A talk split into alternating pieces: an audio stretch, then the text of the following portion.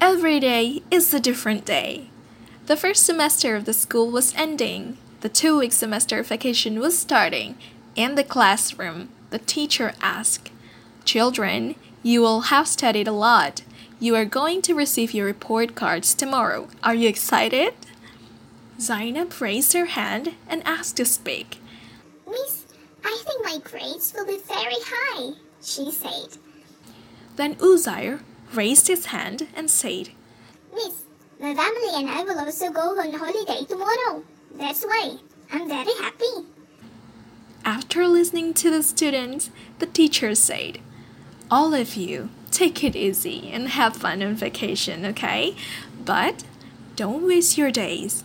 The Prophet Muhammad wasallam said, There are two blessings which many people waste it's health and free time. Learn new things and read books while you are traveling on your holiday, okay? See you next time. Assalamu alaikum.